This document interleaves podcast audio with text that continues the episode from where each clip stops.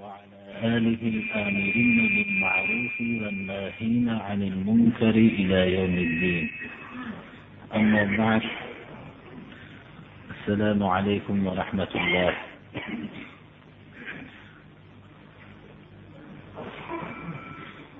Bugungi kun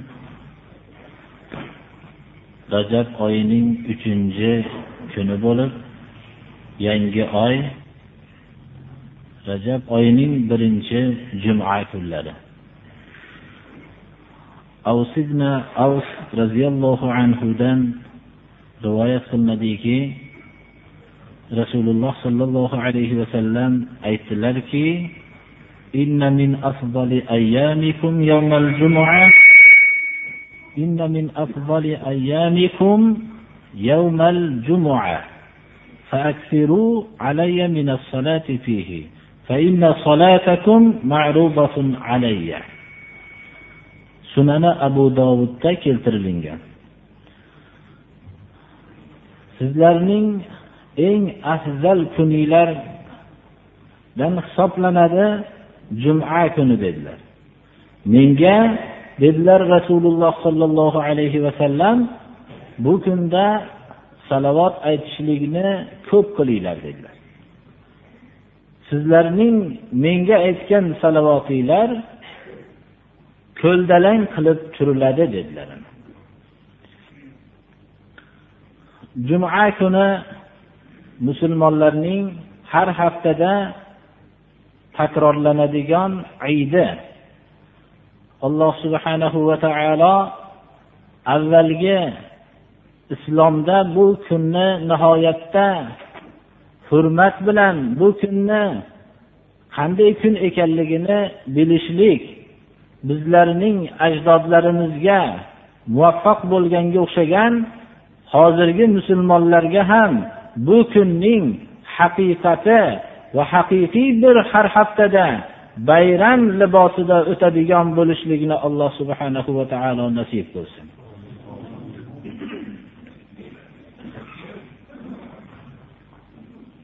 Qur'oni karimni darsini biz shu kunga tayin qilgan edik.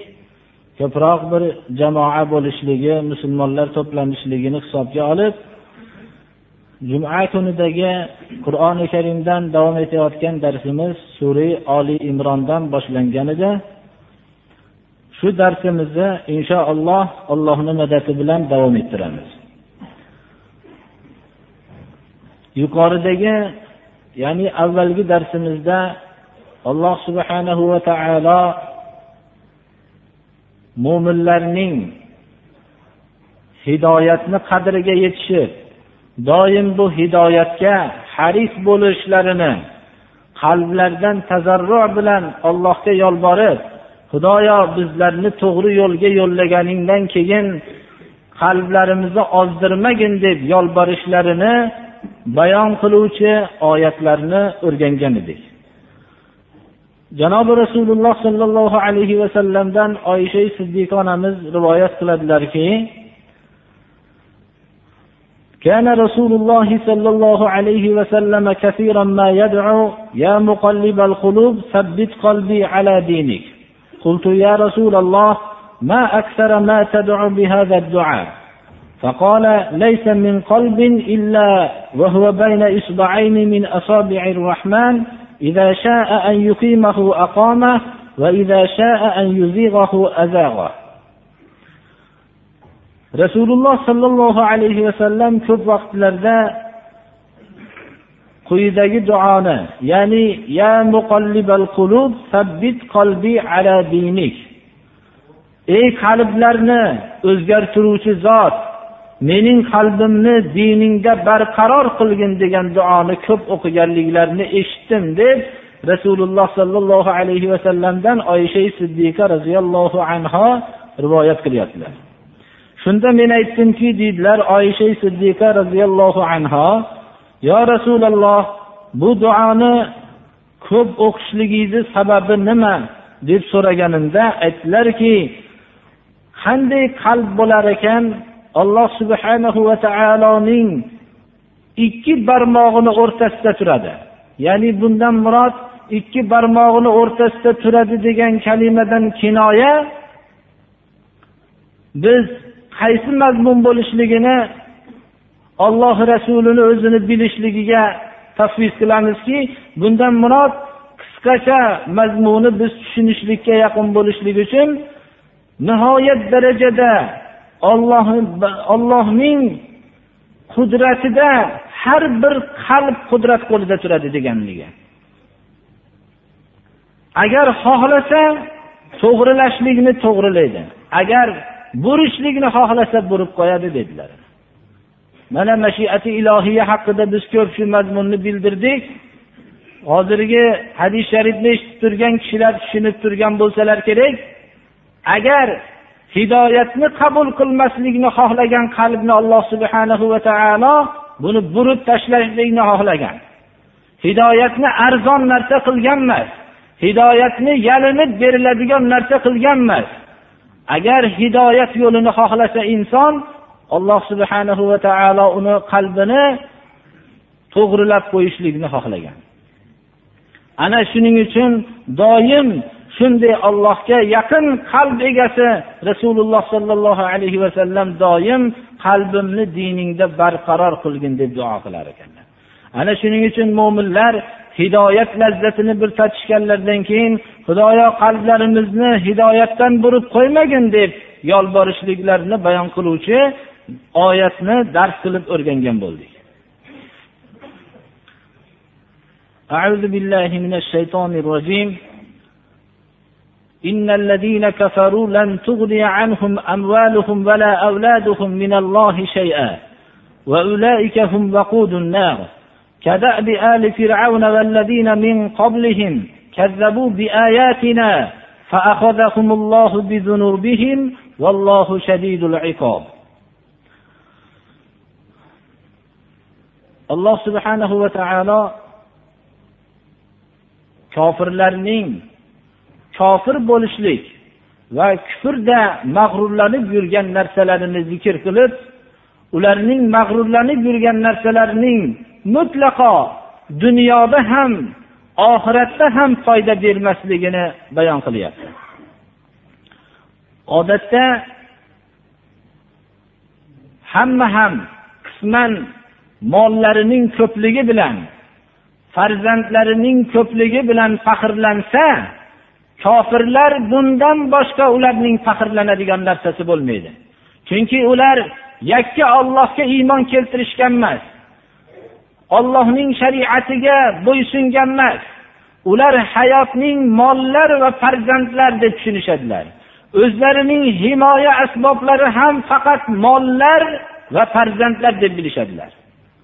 Alloh subhanahu va taolo bularning mag'rurlangan narsalarining oxiratda mutlaqo foyda bermasligini dunyoda ham foyda bermasligini bayon qilyapti.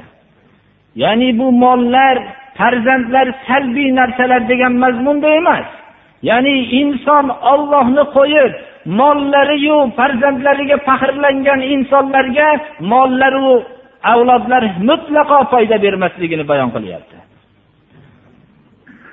Va bu voqeaning tarixda ham foyda bermaganligini molu farzandu martabaga faxrlanganlarning peshvosi bo'lgan fir'avn ahliga ham molni to'plagan mollari va atrofdagi butun avon yordamchilarining mutlaqo foyda bermaganligini zarbi masal qilib ham bayon qilyapti.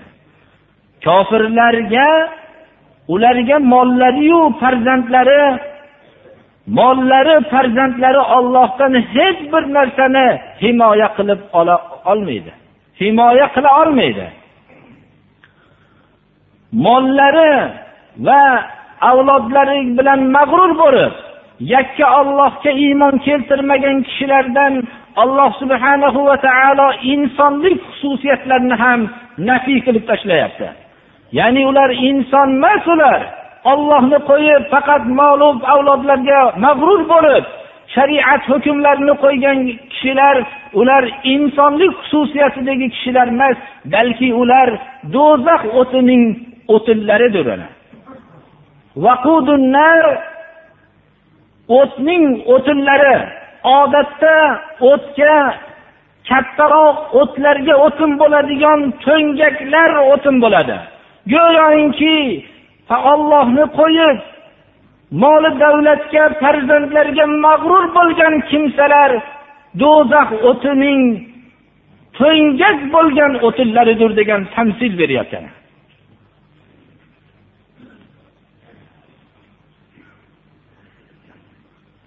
bu mollar bilan mag'rurlanish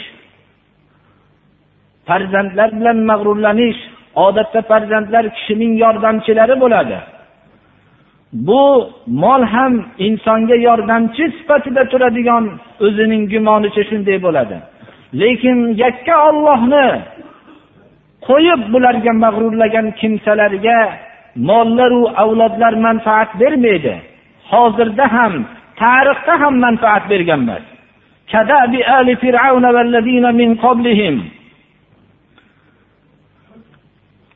Fir'avn ahlining holatiga o'xshagan. Mollaru avlodlari bo'lsa bir kishining fir'avncha mollari bo'ladi. Bir kishining yordamchilari bo'lsa fir'avncha yordamchilari bo'ladi. Ana uning fir'avn ahlining holatiga o'xshagan va ulardan ilgarigi tarixda o'tgan molu avlodu yordamchilar bilan mag'rur bo'lib ollohni hukmlarini qo'ygan tarixda o'tgan zo'ravonlarning holatiga o'xshaganki ot qabilasi samud qabilasi. Ot qabilasiga alloh subhanahu va taolo hud alayhissalomni jo'natdi. Hud alayhissalom ularning mollariga yordamchilariga quvvatlariga faxrlanmaslikni nasihat qildilar. Samud alay samud qavmiga solih alayhissalomni alloh taolo jo'natdi. U kishi ham ko'p yillar nasihat qildilar lekin ular nasihatlarini olmadi. Bularning suyangan mollariyu avlodlariyu yordamchilariyu o'zlaridagi quvvatlar foyda bermadida hammalari tarixda halok bo'lib ketdi. Xuddi fir'avn ahli halok bo'lib ketgandek. Ularning halokatlarini sababi nima bo'ldi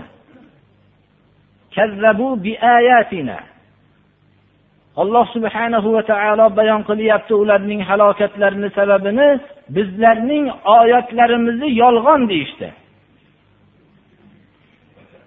Bu inson uchun insonning hidoyati uchun insonning to'g'ri yo'lni oson topishligi uchun alloh subhanahu va taolo payg'ambarlar jo'natib ularga hayot yo'llanmalarini bildiruvchi oyatlar nozil qilgan edi.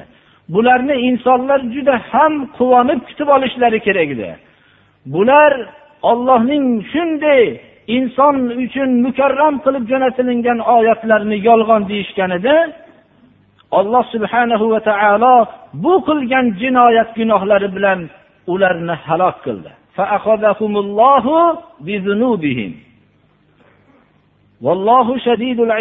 Ollohning azobi qattiq bo'lgan zotdir.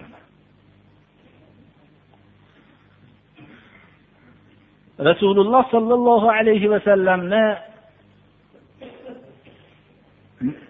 biz surai oli imronning madina madina munavvarada rasululloh sollallohu alayhi vasallam turgan vaqtlarda nozil bo'lganligini esga olar ekanmiz.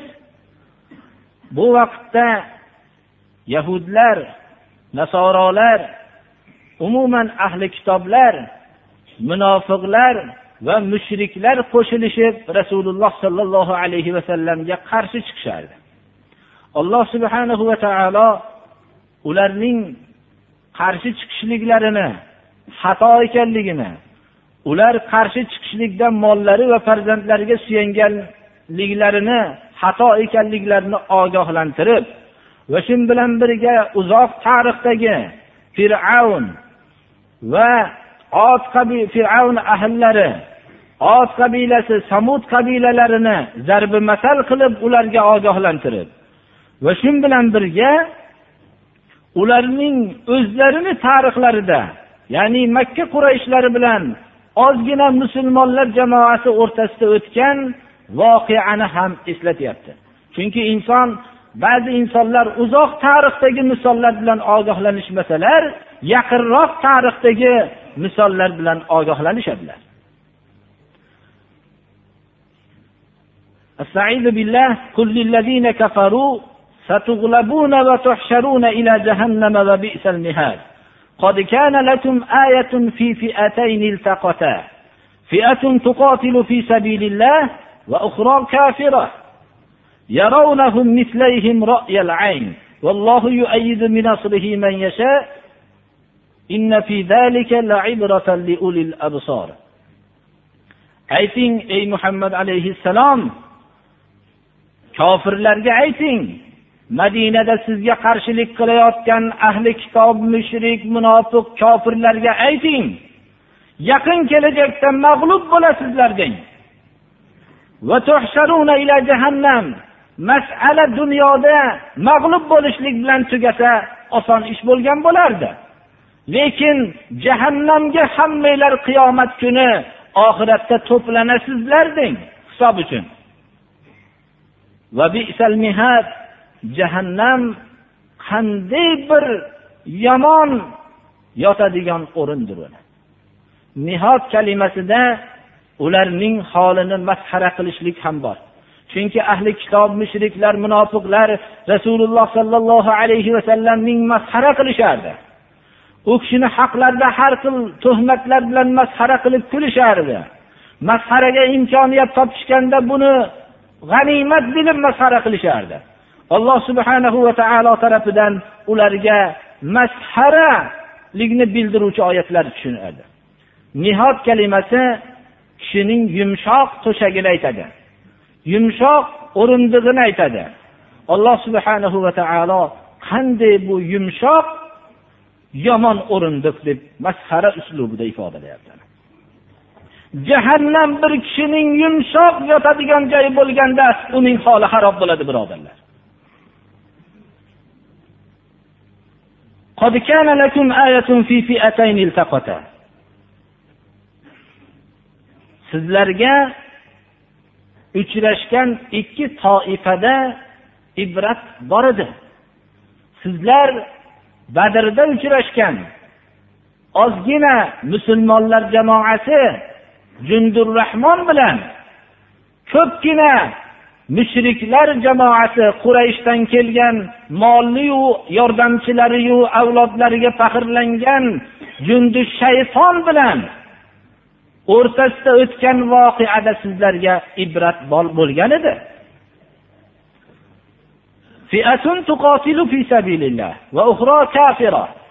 Bir toifa ollohni yo'lida jang qiladigan toifa edi. Ya'ni ozgina zaif son va tayyorgarlikda zaif bo'lgan musulmonlar jamoasi edi. Va ikkinchi toifa kofirlar jamoasi edi. Quraysh mushriklari edi. Tayyorgarliklari juda mustahkam edi. Va sonlari ham musulmonlarga nisbatan yaqin uch barobar ko'p edi. Alloh subhanahu va taolo o'zini marhamati bilan bu voqeada mo'minlarga kofirlarni ochiq ko'rinishlikda ikki barobar qilib ko'rsatib qo'ydi.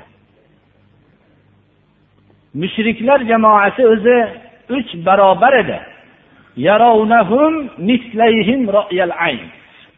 Mo'minlar kofirlarni o'zlarining ikki barobarida ko'rishardi ochiq ko'z bilan ko'rishlikda. Mo'minlar qalblari ollohga bog'langan kishilar o'zlarining dushmanlarini ikki barobar ko'rganda ularda hech qanday qo'rquv paydo bo'lmaydi birodarlar. Avvali islomda bir musulmon shaxsning o'nta dinsizga barobar bo'lishligini alloh subhanahu va taolo musulmonlarga lozim qilgan edi. Keyinchalik alloh subhanahu va taolo sizlarning qalbinglarda bir zaiflikni bildi va sizlarning jamoalaringlar ko'p bo'lgandan keyin ikki mo'min ikkita dinsizga bir mo'minning barobar bo'lishligini lozim ko'rdi birodarlar.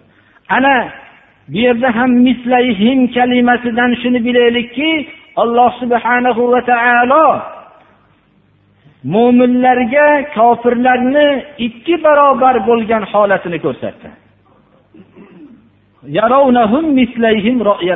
Mo'minlar kofirlarni o'zlariga ikki barobar ko'rar edi ko'z bilan ko'rishlikda ya'ni hayoliy ko'rishlikda emas ochiq ko'rishlikda shunday ko'rishardi.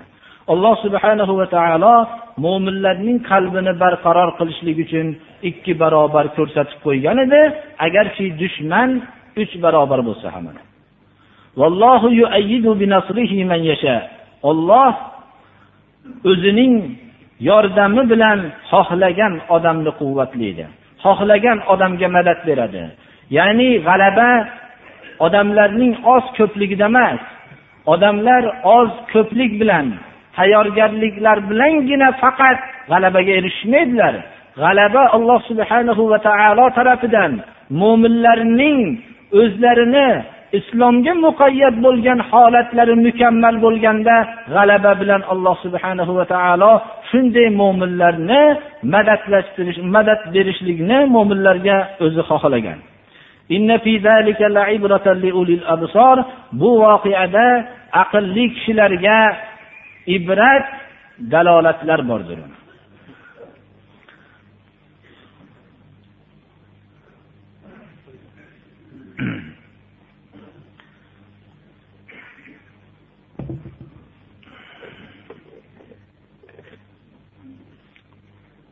subhanahu va taolo yuqoridagi oyatda mollaru farzandlar mutlaqo foyda bermaydi degan oyatni bayon qilinganda bu faqat ollohniga bo'lgan iymonni tashlagan suratda ekanligini mollarni suyish va farzandlarni suyish bu inson tabiati ekanligini bildiruvchi oyatni nozil qiladi.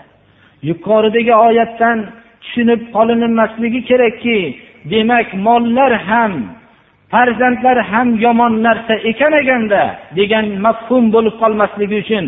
Ya'ni mollar alloh subhanahu va taolo tarafidan insonga yaxshi ko'rsatilingan narsa lekin insonlar molga molik bo'lgandagina najot topishadilar. Ammo mollar insonga molik bo'lsa ular halok bo'lishadilar.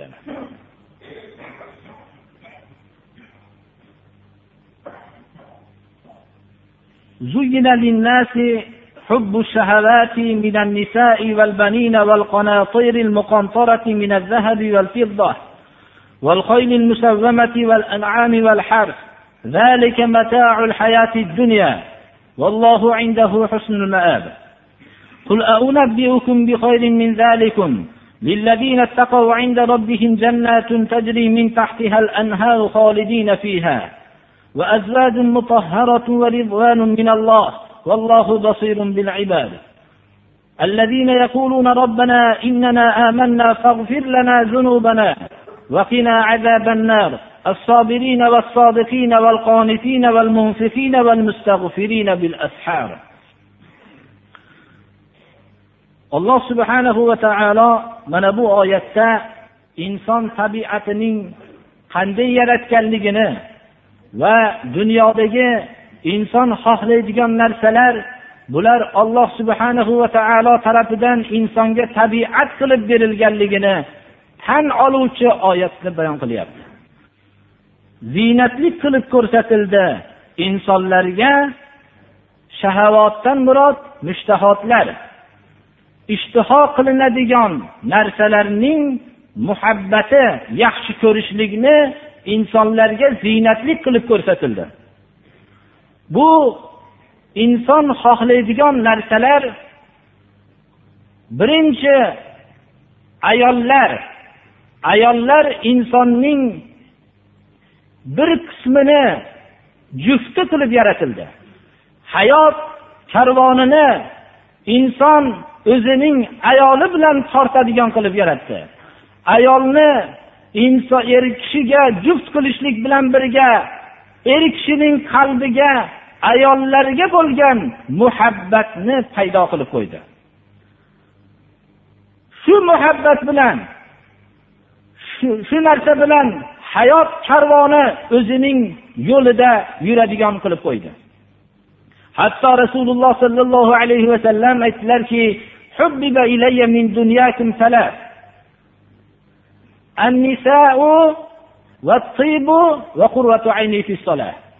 menga dunyodan uch narsa yaxshi qilib ko'rsatildi dedilar. Ayollar va xushbo'y narsa va namozdagi xursandligim dedilar.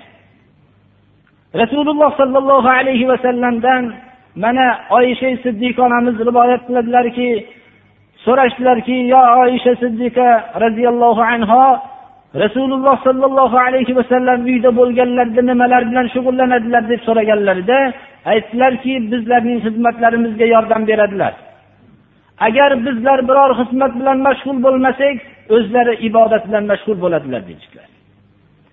Xushbo'y narsani nihoyatda yaxshi ko'rardilar. Hatto rasululloh sollallohu alayhi vasallamning bor narsalarining ko'prog'i xushbo'y narsaga sarf bo'lardi degan rivoyatlar bor birodarlar. Xushbo'y narsa. Rasululloh sollallohu alayhi vasallamning jismlari shu darajada xushbo'y bo'lishliklaridan qat'iy nazar xushbo'ydan ko'p foydalanardilar. Hatto ummihoni roziyallohu anhodan rivoyat qilinadiki rasululloh sollallohu alayhi vasallamning terlagan vaqtlarida olgan terlarini o'zlarining xushbo'ylariga qo'shib xushbo'ylikka foydalanganliklarini. Ana shu qatorda namozdagi quvonish ham rasululloh sollallohu alayhi vasallamga suyumlik ko'rsatilingan narsa edi. Hatto bilol habashiyga namoz vaqtidan ilgari aytardilarki ya bilal ey bilol meni rohatlantirgin namozga ozon aytgin derdilar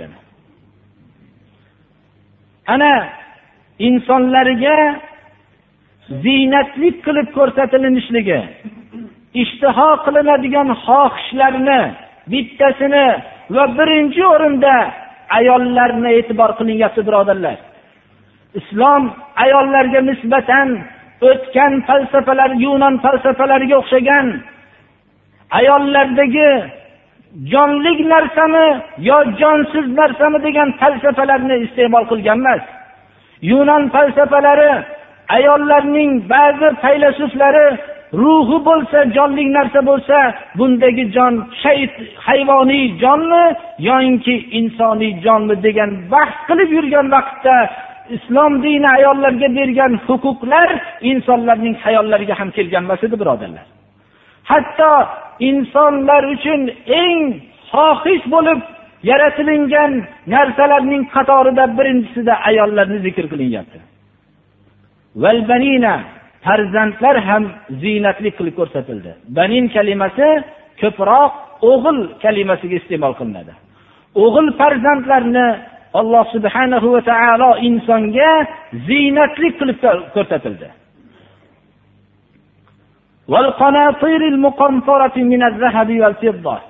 Jamlangan ko'p mollar ham ziynatli qilib ko'rsatildi. Oltin kumushlardan iborat bo'lgan.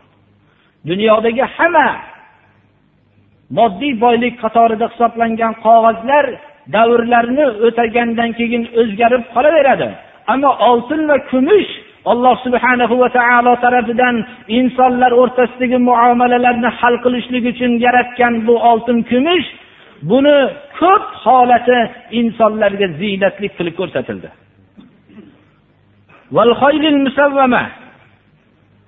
Va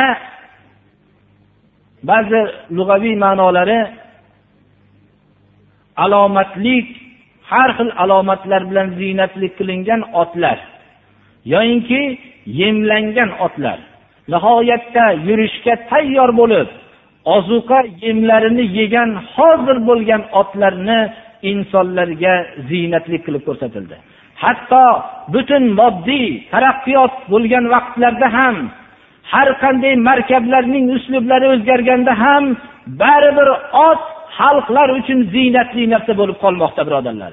Alloh subhanahu va taolo mana bu oyatda otlarning ziynatli bo'lishligi har qanday turli markablarga ega bo'lgan kishilar hatto otni mutlaqo minishlikni ko'rmagan kishilar ham otni ko'rganda ziynatli bir holatni qalblarida paydo bo'lganligini his qilishadilar. Buni alloh subhanahu va taolo insonga tabiat qilib yaratganligini belgisidir. Hayvonotlari bo'lishligini inson mana tuya mol qo'y va hokazo boshqa yeydigan go'shtidan foydalanadigan va sutidan foydalanadigan hayvonlar insonlarga ziynatli qilib ko'rsatildi. Insonlarning bog'iroqlari bo'lishligi ekinzorlari bo'lishligi bu har bir inson uchun ziynatlik ekanligi ma'lumdir alloh subhanahu va taolo bu narsalarni ziynatlik qilib qo'yishligi inson qalbida bular ishtiho qilinib xohlanadigan narsa qilib qo'yilishligi bu hayoti dunyoda foydalanishlik uchun va bu foydalanishlik bilan bularni hammasini ko'prik qilib oxirat uyiga o'tib olishlik uchun qilgan edi bu hayoti dunyoning matosi hayoti dunyoda foydalanadigan narsa. Bularga inson maqsad deb shularga qarab qoladigan va shular bilan mag'rurlanib ollohni esdan chiqaradigan narsalar emas edi bu narsalar. Bular shunday ziynatli qilib ko'rsatilingan narsalar inson bularga ega bo'lib ollohning rizosini topadigan narsalar edi bular. Bularning o'ziga hoja qilib o'zini qul qilib qo'yadigan narsalar emas edi bu. Bular yuqorida aytilingan narsalar hayoti dunyodagi foydalanadigan narsalar. Alloh subhanahu va taoloning huzurida yaxshi bir oqibatlar turibdi bu ishora bo'lyaptiki yuqoridagi narsalar bilan alloh subhanahu va taoloning tarafidagi yaxshi oqibatni qo'lga keltirilishligi kerakligiga ishora bo'lyapti. Ayting ey muhammad alayhissalom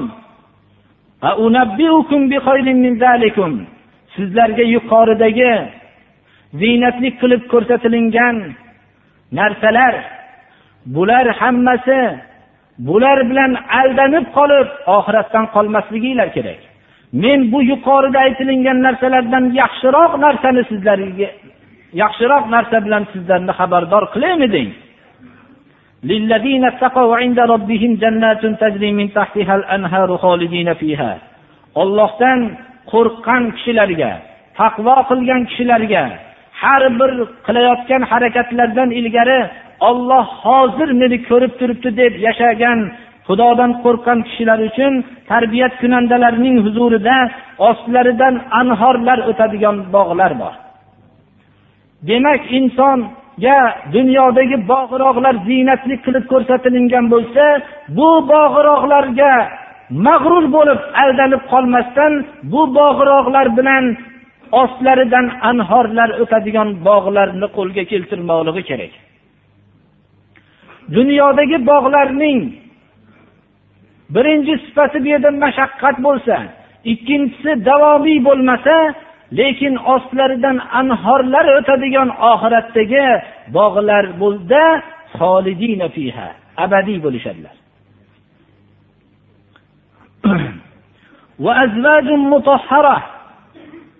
ularga pokiza juftlar bo'ladi.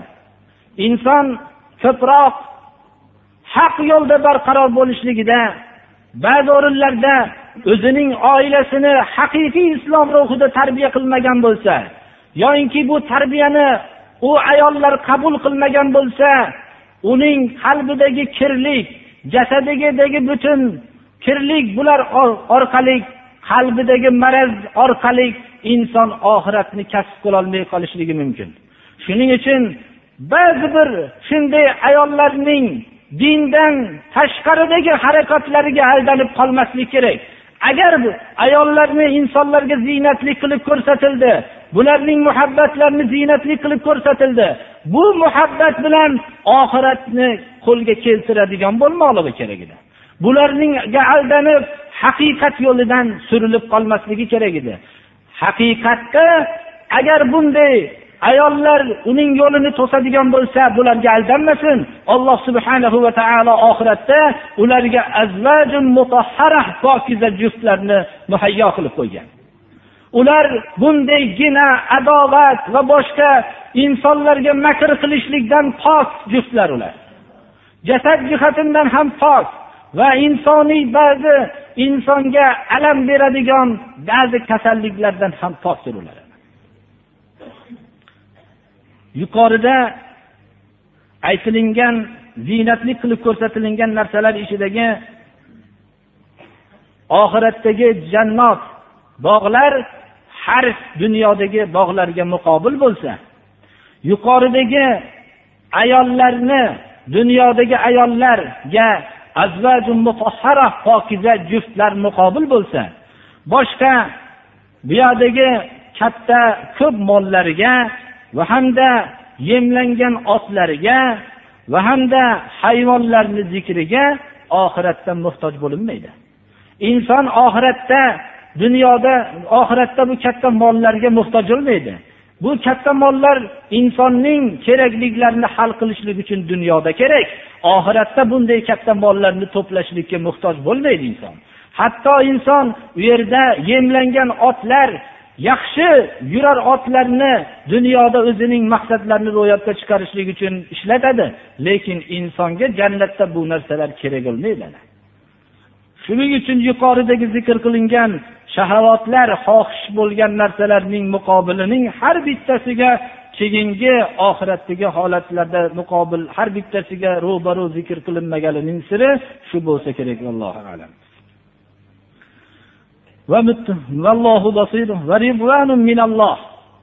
Yuqoridagi bog'lardan ham va pokiza juftlardan ham yaxshiroq narsani alloh subhanahu va taolo e'lon qilyapti.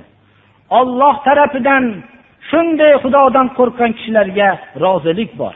Olloh roziyman deydi ulardan. Ollohning bandadan rozi bo'lishligi inson hayotida ollohni rozi qiladigan nima amal qilgan bo'ladi?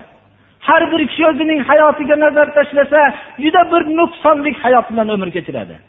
Lekin olloh tarafidan shunday nuqsonlik hayotga ham roziman degan so'zning eshitilinishligi hamma ne'matdan kattadir birodarlar. Dunyoyu oxirat ne'matlarining hammasidan kattadir. Vallohu basirun bil ibad. Olloh bandalarini qalblarini ularning haqiqatlarini mohiyatlarini hammasini ko'rib turuvchidirki ularga ziynatlik qilib qo'ydi. Ba'zi narsalarning hayotda shu ziynatlik qilib qo'ygan narsalar bilan oxiratdagi abadiy saodatni qo'lga keltirishlari uchun. Va shu bilan haqiqiy bandalarini xudodan qo'rqqan bandalarning ba'zi sifatlarini zikr qilyaptiki haqiqiy bandalar o'zlarining qalblaridagi iymonni e'lon qilishadilar.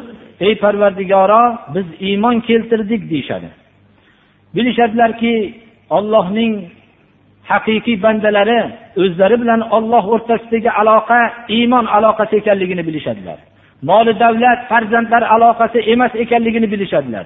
Va shuning uchun birinchi e'lon qilishadilarki iymon keltirdik deyishadilar. Alloh subhanahu va taolo surai furqonda bayon qildiki ayting ey muhammad alayhissalom iymoninglar bo'lmasa robbim sizlarni hech e'tiborga olmaydi deng biz olloh subhanahu va taologa mo'minlar iymon bilan mo'tabar bo'ldik. Biz boshqa nasabimiz bilan moli davlatimiz bilan avlodlarning ko'pligi bilan yoyinki boshqa bog'iroqlarimiz bilan mo'tabar bo'lganimiz yo'q. Ana haqiqiy xudojo'y bo'lgan kishilar xudoyo biz iymon keltirdik seni tarafingdan kelgan payg'ambarlarga kitoblarga deyishadilar faxrlanishmaydilar ular darrov birinchi ollohga iymonlarini e'lon qilgandan keyin gunohlarimizni mag'firat qilgin deb yolborishadilar. Va do'zax o'tidan bizlarning saqlagin deyishadilar. O'zlarini amallariga bir mukofot berilishligini eslaridan chiqarib qo'yadilar amallarini oz deb bilishadilar faqat gunohlarining mag'firat qilinishligini va hamda Allohning do'zax azobidan saqlashligini so'rashadilar. Ularning sifatlari assobirina Da'vat yo'lidagi alamlarga sabr qiluvchi, vassodiqina haqiqatni so'zlovchi. Inson qachon yolg'on gapiradi? zaiflik vaqtida yolg'on gapiradi ya'ni to'g'ri so'z bilan ro'baro bo'lishlikdan qo'rqqan vaqtidagina yolg'on uning so'zi tiliga keladi sodiq bular ya'ni nihoyatda haq bilan o'zlarini aziz tutishganlar va xudojo'y ollohga ibodat qiluvchi bular mol baxilligiga molga qul bo'lib qolishgan emaslar. Mollarini sarf qiluvchi ollohni yo'lida. Va shu bilan birga shuncha yaxshi sifatlarning egasi bo'lishligi bilan faxrlanishlik o'rniga saharlarda turib hamma xotirjam uyquda bo'lgan vaqtda saharlarda istig'for aytishadilar o'zlarining nuqsonlariga mana bunday xudodan qo'rqqan taqvodor kishilarga alloh subhanahu va taolo ostlaridan o'tgan anhorlarni hozirlab qo'ygan jannatlarni. Bular bunda abadiy bo'lishadilar va shu bilan birga ularga pokiza juftlarni hozirlab qo'ygan va hammasidan ham katta mukofot o'zining roziligini hozirlab qo'ygan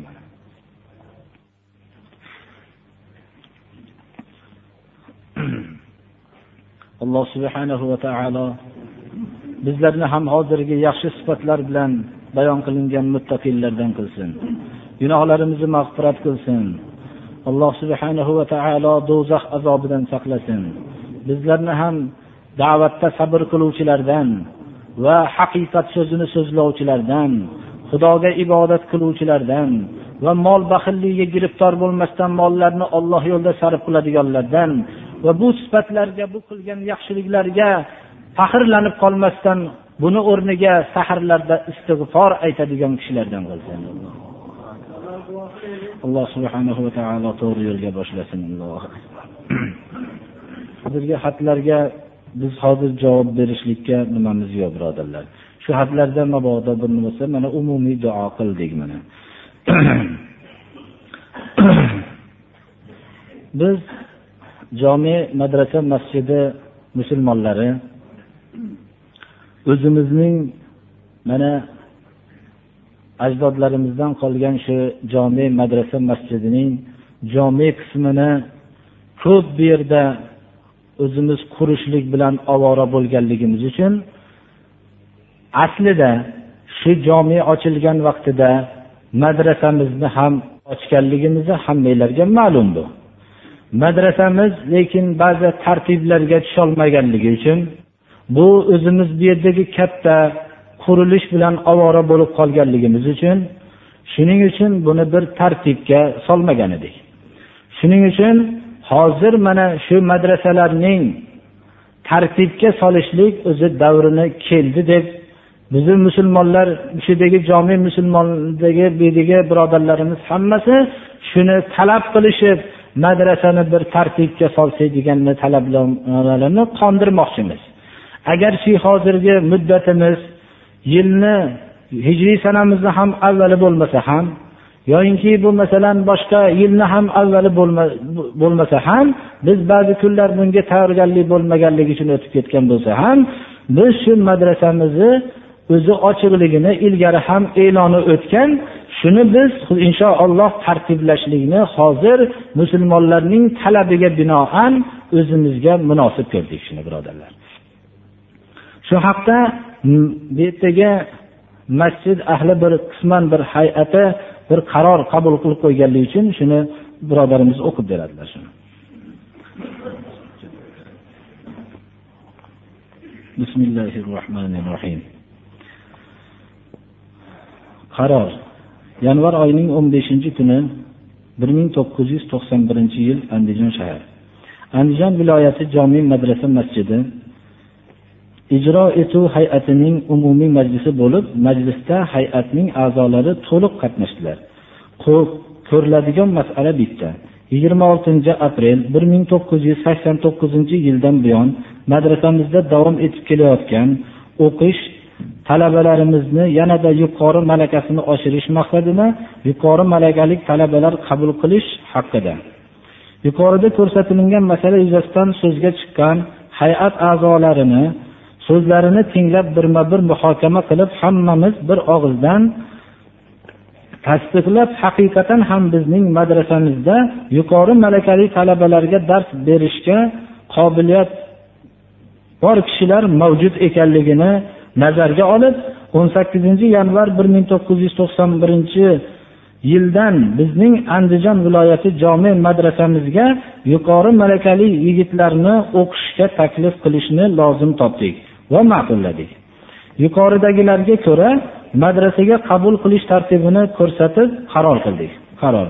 Jomiy madrasa hay'ati tomonidan talab qilingan imtihondan o'tish shart. Madrasa hay'ati tomonidan belgilangan yoshda bo'lmog'i kerak.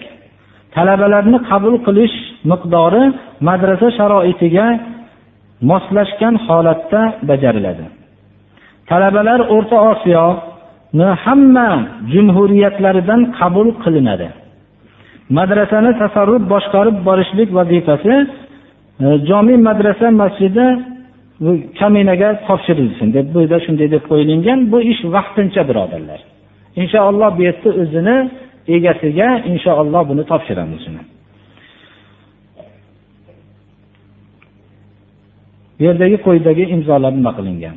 Inshaalloh shuni bir tartiblashlik uchun mana hozirgi qisqa nima qilindi? Ba'zi tushunmovchiliklar shunday bo'lsa shu madrasada ishtirok etib o'qimoqchi bo'lgan boshqa jumhuriyatlardan ham shuni qabul qilinishlikka biz har bir jumhuriyatdan qabul qilinishligini bir siri jumhuriyatlar o'rtasidagi musulmonlarning ba'zi ittifoqligiga ham sabab bo'lishligi ham ko'zda tutilingan birodarlar.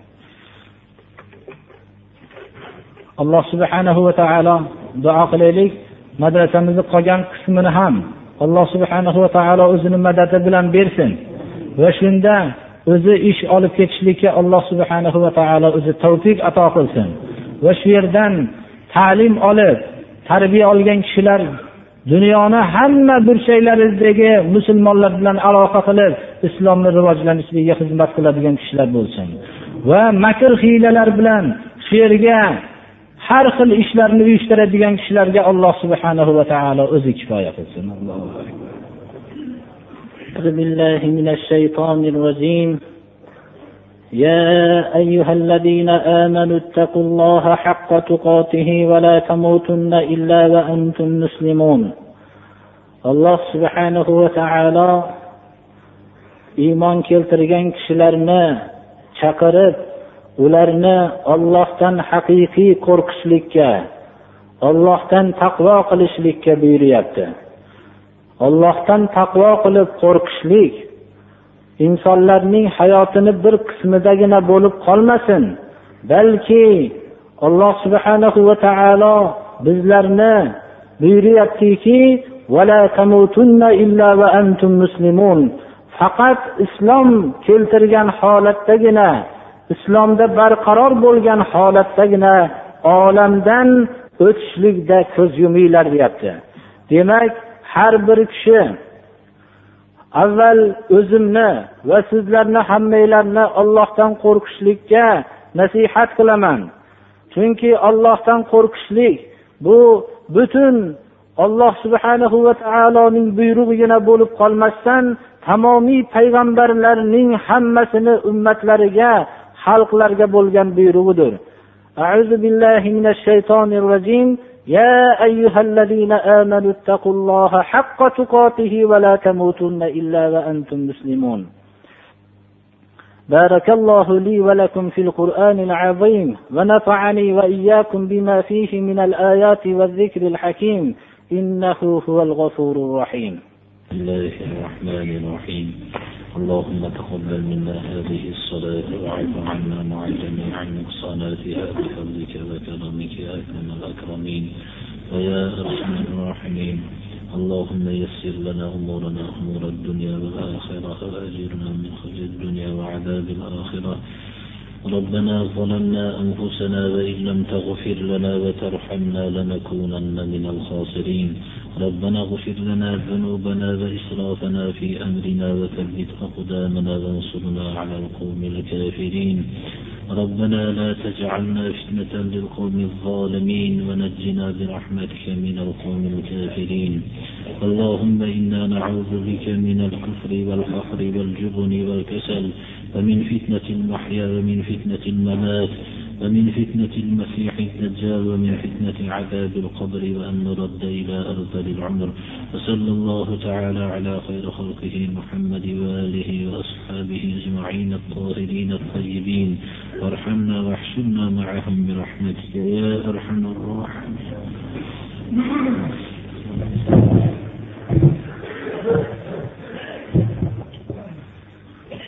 أعوذ بالله من الشيطان الرجيم. بسم الله الرحمن الرحيم. ربنا لا تزغ قلوبنا بعد إذ هديتنا وهب لنا من لدنك رحمة. إنك أنت الوهاب. ربنا إنك جامع الناس اليوم لا ريب فيه. إن الله لا يخلف الميعاد. سبحان ربك رب العزة عما يصفون. وسلام على المرسلين والحمد لله رب العالمين. تقبل منا إنك أنت السميع العليم. يا مقلب القلوب ثبت قلبي على دينك. صلى الله الله أكبر.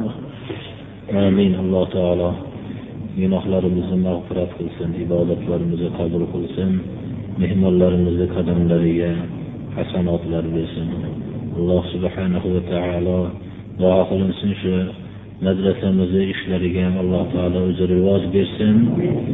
O'zi shu yerdan bir ta'lim tarbiya olgan kishilarni kishilarning hidoyatiga sabab bo'ladigan kishilar qilib yetishtirsin. Qiyomatgacha alloh subhanahu va taologa o'ziga omonat birodarlar biz bir narsani bir birodarimiz e'lon qilib qo'yishlikni qattiq bir talab qilgan edi.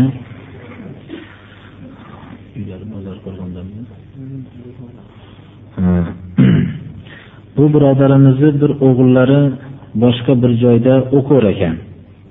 Ta'lim olib turar ekan shu bola hozir yo'qolib qoldi deb bu kishi bizga ikki uch kundan beri iltimos qilyotgandilar o'zlarini mabodo bir topilib qolsa shu olib kelinsa biz u kishini nima qilib qo'yamiz? Yoshi bu bolani o'n uch yashar ekan. Nomi abdurahmon shu bolani mabodo topilsa shu jome madrasa masjidiga olib kelinsa bir nima qilamiz? O'zi o'n uch yashar bola qur'on o'qib yurgan bola ekan.